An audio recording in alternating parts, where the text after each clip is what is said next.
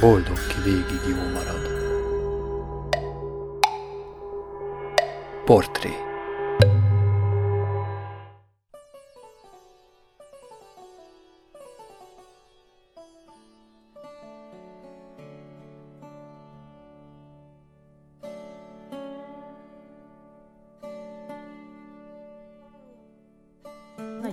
hogy Sugár Ágnessel sikerül most interjút készíteni itt a, a Butha FM hallgatói számára. Bizonyára nagyon sokan ismerik Ágit. Én gyerekkoromban a tévében láttam először, de korábban ő a rádióból került át a tévébe, és most is újra rádiós, úgyhogy tulajdonképpen valamennyire a saját terepén vagyunk most. Hát nagyon sok mindent el lehet mondani rólad, mert ugye évtizedeket húztál le így a magyar médiában, de most a Butha FM számára olyan szempontból készítjük az interjút, hogy a te életed során hogy jelent meg a buddhizmus.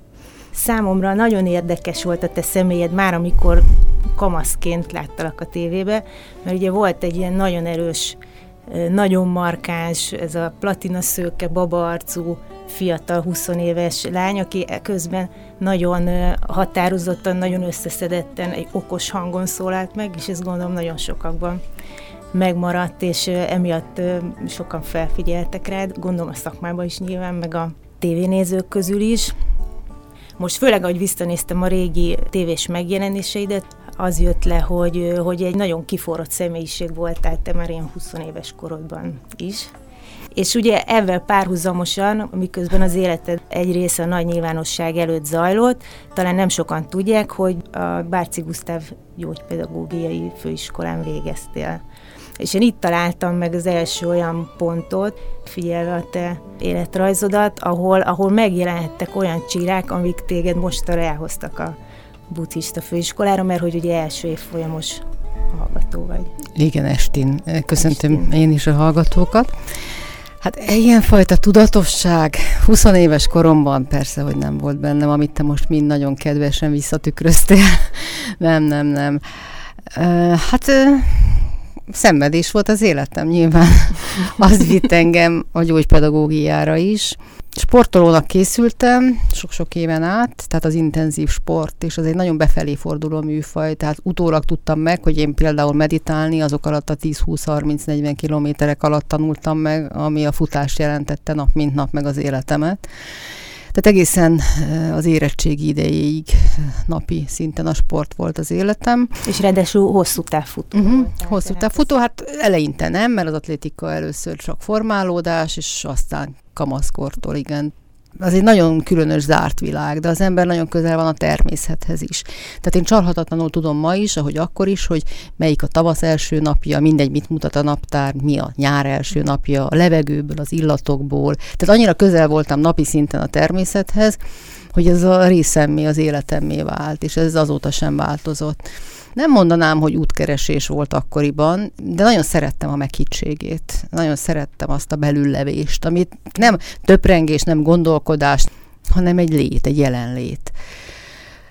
És aztán történt egy tragédia, meghalt az édesapám 16 éves koromban, váratlanul, és ő nekem nagy mentorom, társam, lelki társam volt, tehát nagyon jóban voltunk, és az ő korai halála engem nagyon megviselt. És tulajdonképpen ezért is hagytam aztán abba a sportolást, mert versenyeken, résztávoknál mindig ő állt a 200 méternél, az edzőm a 400-nál, és kiabálták be a részidőket, és én még a halála után egy évvel is hallani véltem a hangját. Tehát nem is tértem magamhoz sok-sok évre. Ma már megmerem kockáztatni, hogy évtizedekre. Például feketében jártam évekig.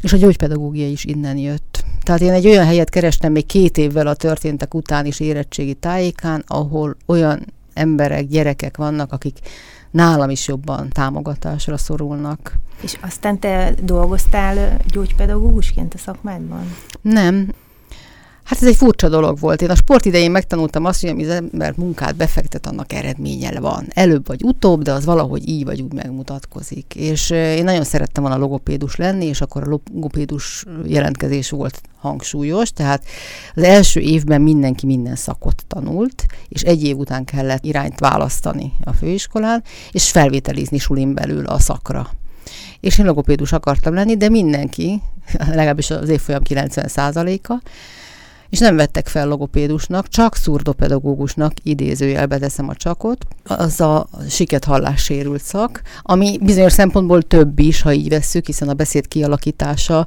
a hallás maradványra való támaszkodás, ez sokkal komplexebb dolog, mint a beszéd javítása, korrigálása, persze mindegyik a maga nemében komplex. De nekem azért volt csalódás, mert én mindenből ötös voltam, én fölkészültem a felvételen, és mikor megkérdeztem, hogy de miért nem, akkor az volt a válasz, hogy mert nem vagyok az a típus, aki vidékre menne logopédusnak, már pedig évek óta csak vidéken van állás. Húsz évesen ez engem szíven ütött.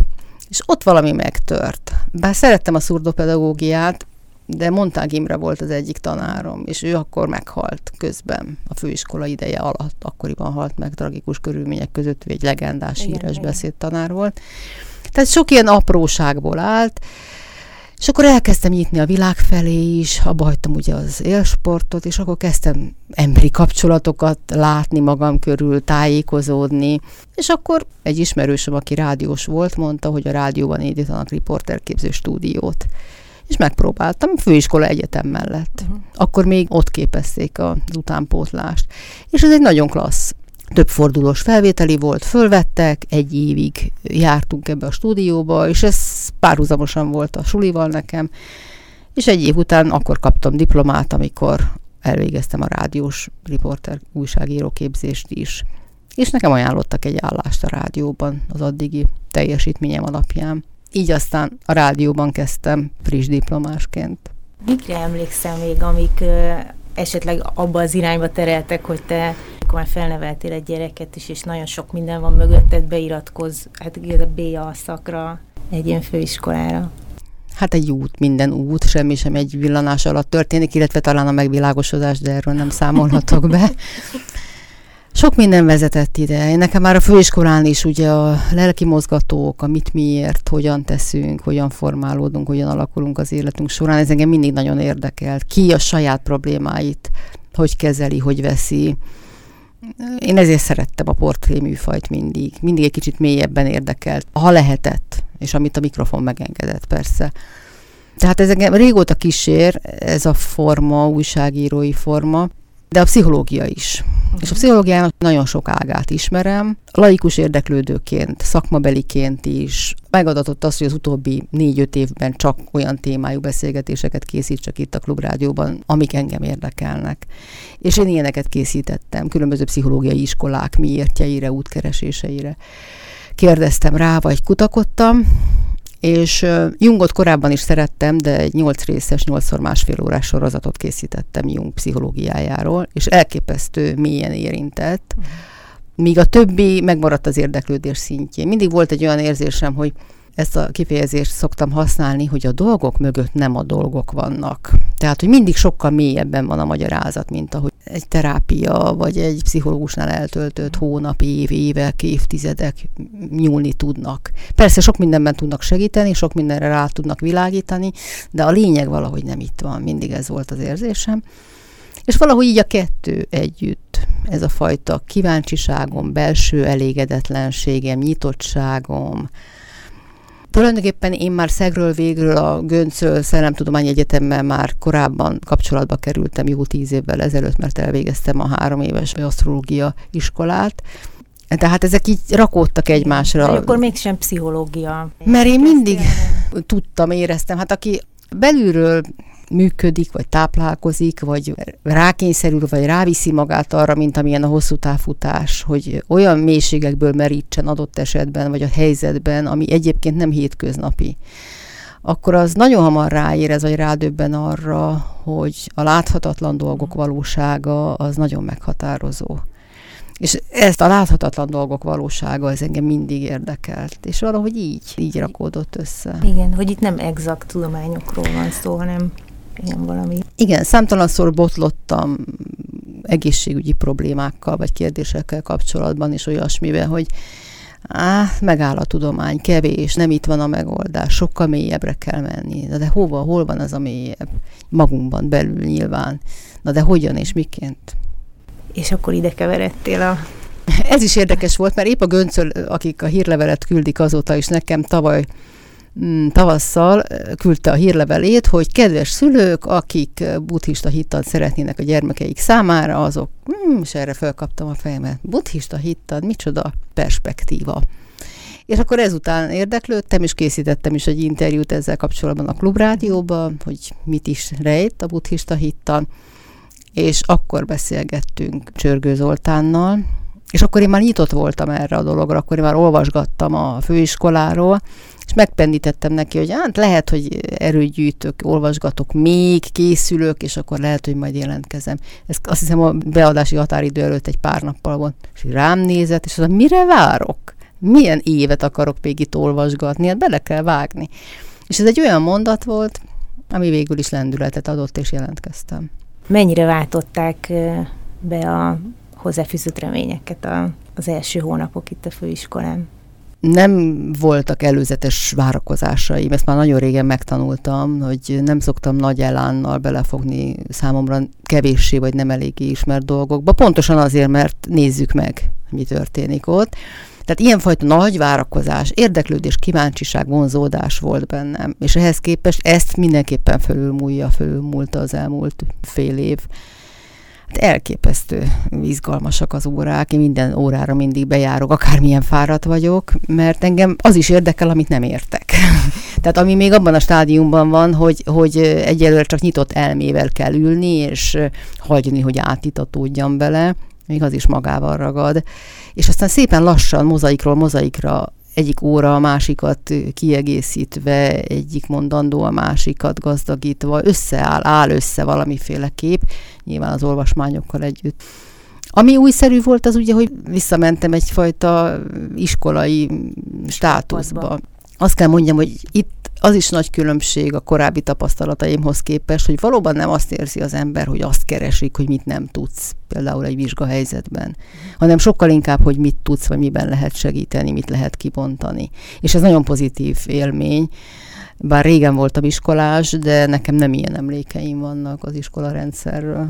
Uram, még eszembe jutott a, a buddhizmus és a te szakmát kapcsán, hogy ugye a, a tömegkommunikációban dolgozni, így tényleg a homlok terében lenni valamilyen szinten a közéletnek, sőt, ugye nálunk ez különösen hatványozottan igaz, mert annyira átpolitizált a közélet és a mindennapok, hogy, hogy rádiósként, tévésként benne van az ember sok mindenben politikában is.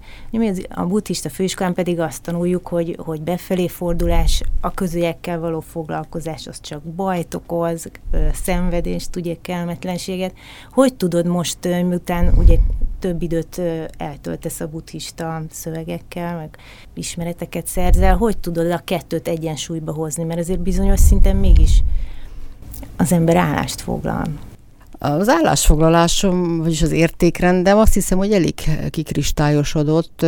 Itt inkább az a kérdés, hogy érzelmileg mennyire vonódik be az ember, mennyire hagyja meghimbálni magát, vagy kizökkenteni. Ez az, amiben sokat tud segíteni, tehát a jelenlétben, tehát hogy mindig helyén legyen a szívem. De valójában én már nagyon hosszú ideje nem ártom bele magam érzelmi szinten a hétköznapi közéleti politizálásba, még átlagfogyasztóként sem, most nem is a szakmámat értem alatta, bár sose voltam politikai újságíró, úgy kezdtem valaha belpolitikai rovatnál, és oknyomozó riportokat is csináltam, és mivel egy ilyen perfekcionista, összeszedett valaki voltam, ezért sikeres is voltam a műfajban, de sosem szerettem. Mindig úgy éreztem, hogy nem a lényeget ragadjuk meg. Valakinek az arrát beleverjük valamibe, amiről nem csak pusztán ő tehet, sok minden más körülmény, hogy hogy jövök én ehhez. Egyáltalán sosem tudom a teljes igazságot fölfedni azon körülmények között. Tehát én nekem nagyon hamar a politikai és közéleti újságírástól így módon elment a kedvem. Úgy éreztem, hogy egy szemfényvesztés. Tehát én nagyon hamar kiszálltam abból a, abból a körből, és akkor a szórakoztatás, kultúra, kultúra és aztán a, igen, nagyon hamar ez az út állt igazán közel hozzám. És mindig is olyan voltam, mivel főleg a televíziózás az a műfaj, ami elképesztő zsibvásár, zsibajgás, ez egy igazi csapatmunka, ott egyik ember nem megy semmire a másik nélkül. Tehát ott bent lenni az egy hatványozott kifelé élés, kifelé lét, rendkívül fárasztó, a koncentrálásról nem is beszélve. Tehát nálam például mindig otthon csend volt. Én nem kapcsoltam be a tévét, a rádiót se nagyon.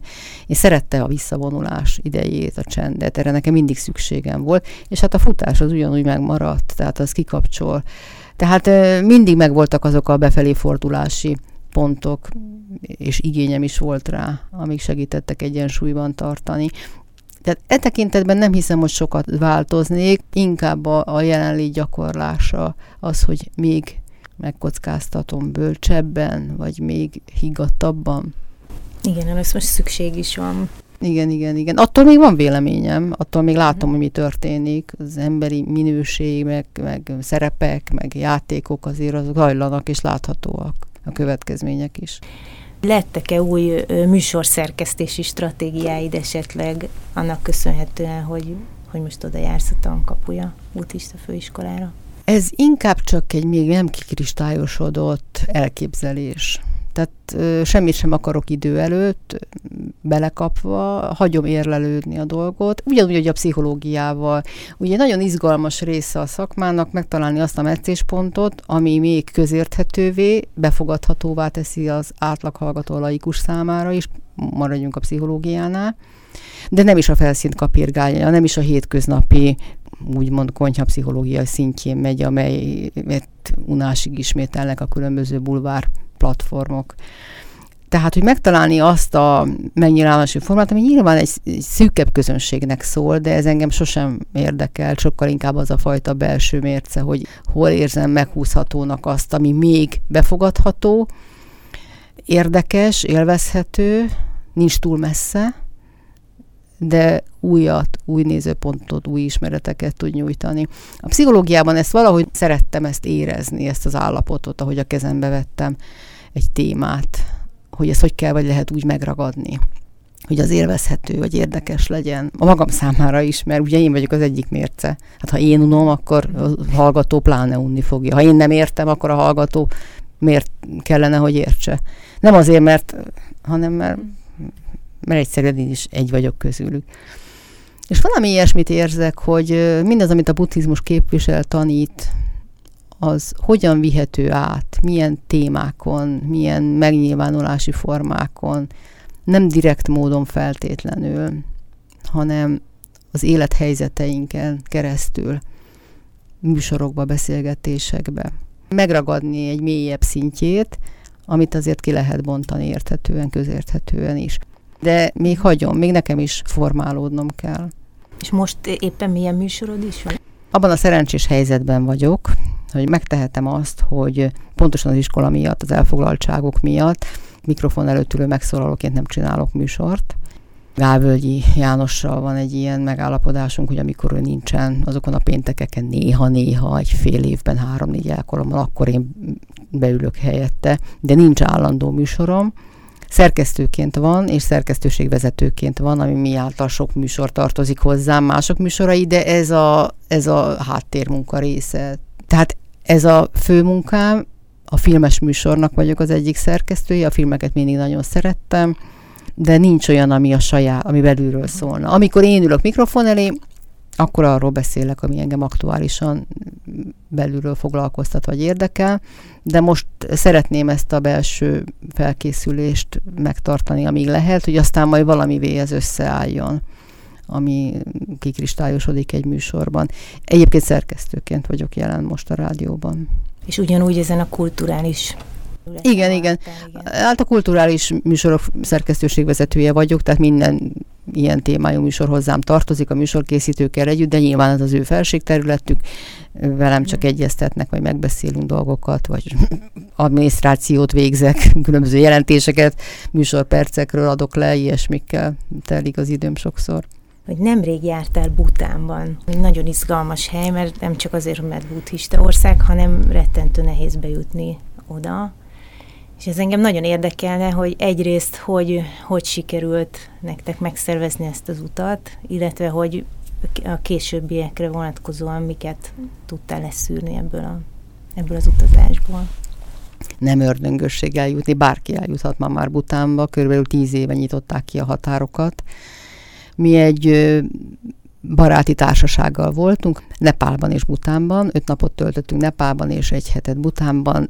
Érdekes volt a különbség. Szóval Nepál az egy hindu ország, javarészt ugye, a maga sokszínűségével, ezerarcúságával, de hát azért ebbe beletartozik az is, amit mi Európában, Kelet-Európában kevésbé jól tolerálunk, az állandó zsúfoltság, az elképesztő smoke például Katmanduban, a koc, a különböző televízióból innen nagyon jól ismert élethelyzetek. Nagyon érdekes, nagyon színes, nagyon nyüzsgő világ, és ehhez képest öt nap után átmentünk egy teljesen más nem országba, világba, földrészre. Bután semmihez sem hasonlítható.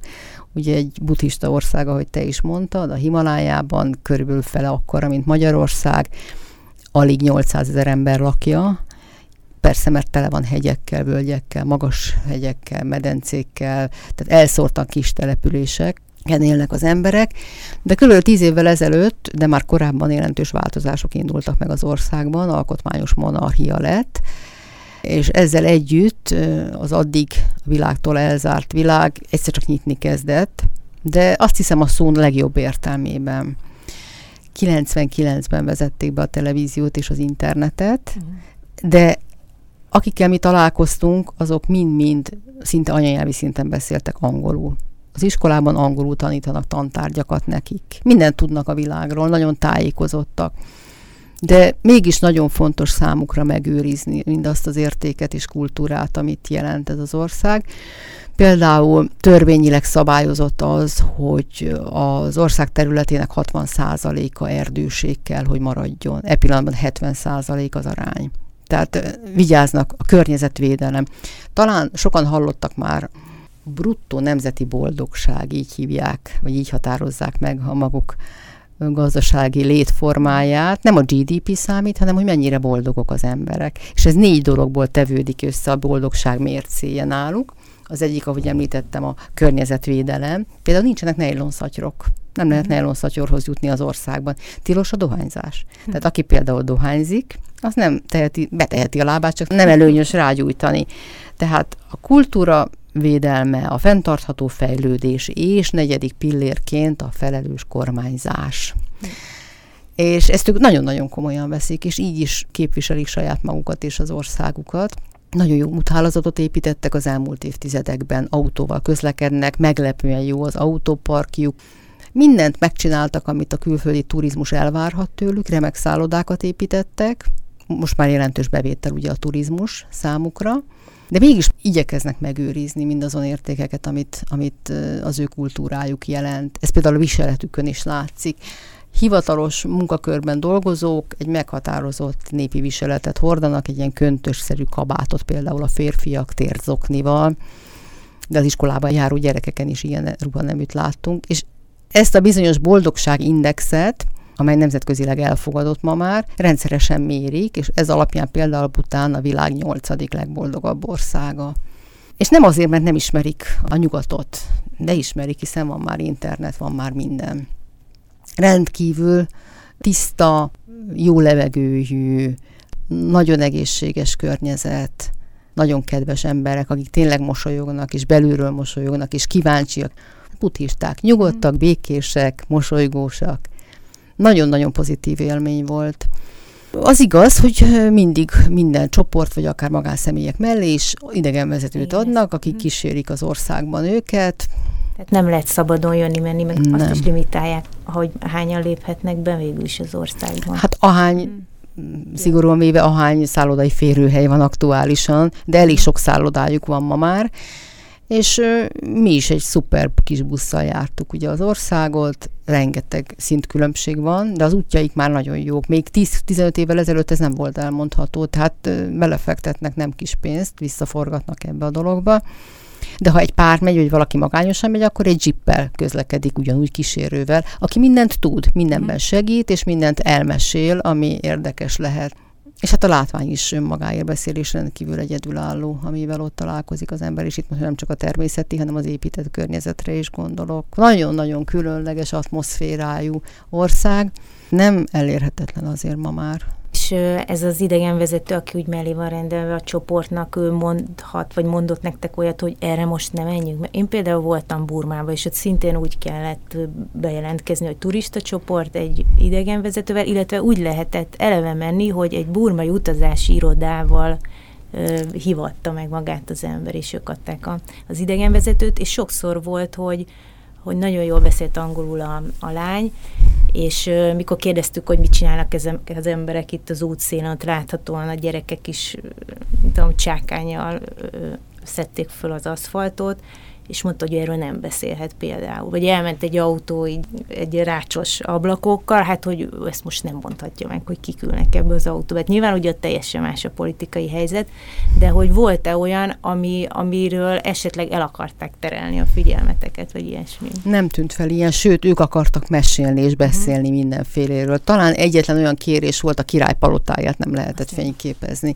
de tulajdonképpen minden más, és rágyújtani nem lehetett. Volt a csoportban olyan, aki a ötödik napon egy széles folyóparton, ahol tényleg csak hegyek és erdőség volt a messzeségben, ember nem volt rajtunk kívül a környéken, kérdezte, hogy hát, hogyha én most egy kis cigarettát elszínes, ők szeliden ránézett az idegenvezető, és azt mondta, talán egy alkalmasabb helyet kellene keresni. Éppen azt nem mondta, hogy egy alkalmasabb országot.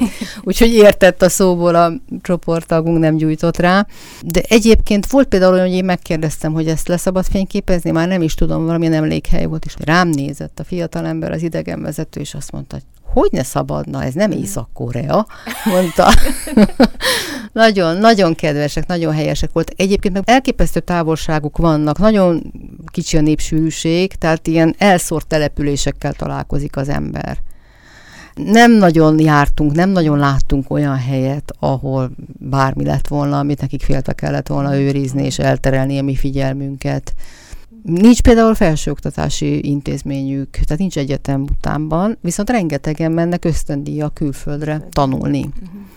Az persze tény és való, hogy az ország fele még ma is írástudatlan, mert a hegyekben élnek, és bár ingyenes a közoktatás, de nem jutnak el a hegyekből az iskolába, és vagy otthon tanítgatják őket, vagy iskolai végzettség nélkül maradnak. De amivel mi találkoztunk, amivel mi érintkeztünk, az mind nagyon azonos volt önmagával, nagyon természetes és nagyon-nagyon megnyugtató. Nem volt soha ilyen fals érzésem vagy érzésünk, hogy a dolgok mögött nem a dolgok vannak. Volt-e olyan más buddhista országban, ami ezzel esetleg... Persze a buddhizmussal találkoztam Nepálban is, mert ott is vannak azért, kb. 10% talán a buddhizmus. Nepálban az, nekem a szinkretizmus, a vallási szinkretizmus Igen. volt az, ami meghökkentő volt, és nagyon jól működik. Erre példa a Kumárinak az intézménye. Hát ez egy olyan népszokás, ami egy vallási, nagyon komoly vallási szertartás is, az élő istennő, három-öt év közötti kislányokat választanak ki az élő istennő szerepére, aki aztán egészen addig tölti be azt a posztot, amíg uh, nagy lány nem lesz, tehát menstruálni nem kezd. És hát ez borzasztó sok aggályos kérdést vetett föl nemzetközi jogvédő szervezeteknél évek, évtizedek óta. És hát ugye királyság volt, és a Kumárinak az volt az egyik feladata, hogy minden évben egyszer hatalmas külsőségek közepette megáldja a királyt, és mint egy felhatalmazza további egy éves működésére. De hát a 2000-es években megszűnt a királyság Nepálban, és egy egészen különleges helyzet állt elő, hogy hát akkor most kit is kell neki megáldania. De nem tudták, és nem is szüntették meg a Kumári intézményét, hanem most az éppen aktuális legfőbb vezetőt, aki éppen van, azt áldja meg. Tehát megtartották ugyanúgy, de nagyon sok mindenen változtattak, és nem csak a külföldi nyomásra és elvárásra. Ma már iskolába járnak, járhatnak, sőt kell járniuk a kumáriknak. Tehát, hogyha véget ér a szolgálat számukra, akkor se kelljen visszamenniük a családjukba, és ott engedni tovább az életüket. Nagyon sok olyan dolgot vezettek be, ami egyfelől nemzetközi nyomásra történt, másfelől azért nyilvánvalóan a belső változások és az értékrend alakulása miatt is bekövetkezett. De ez azért különleges, mert ez a kumári dolog, ez mind a két vallás, a buddhizmus és a hinduizmus elemeiből tevődik össze. És mind a két rész tiszteli és elfogadja ezt a vegyületet, vegyüléket. Letelt az időnk, és nagyon köszönöm, hogy, hogy időt szakítottál erre a beszélgetésre. Köszönöm. Hát én köszönöm, hogy beszélgettünk.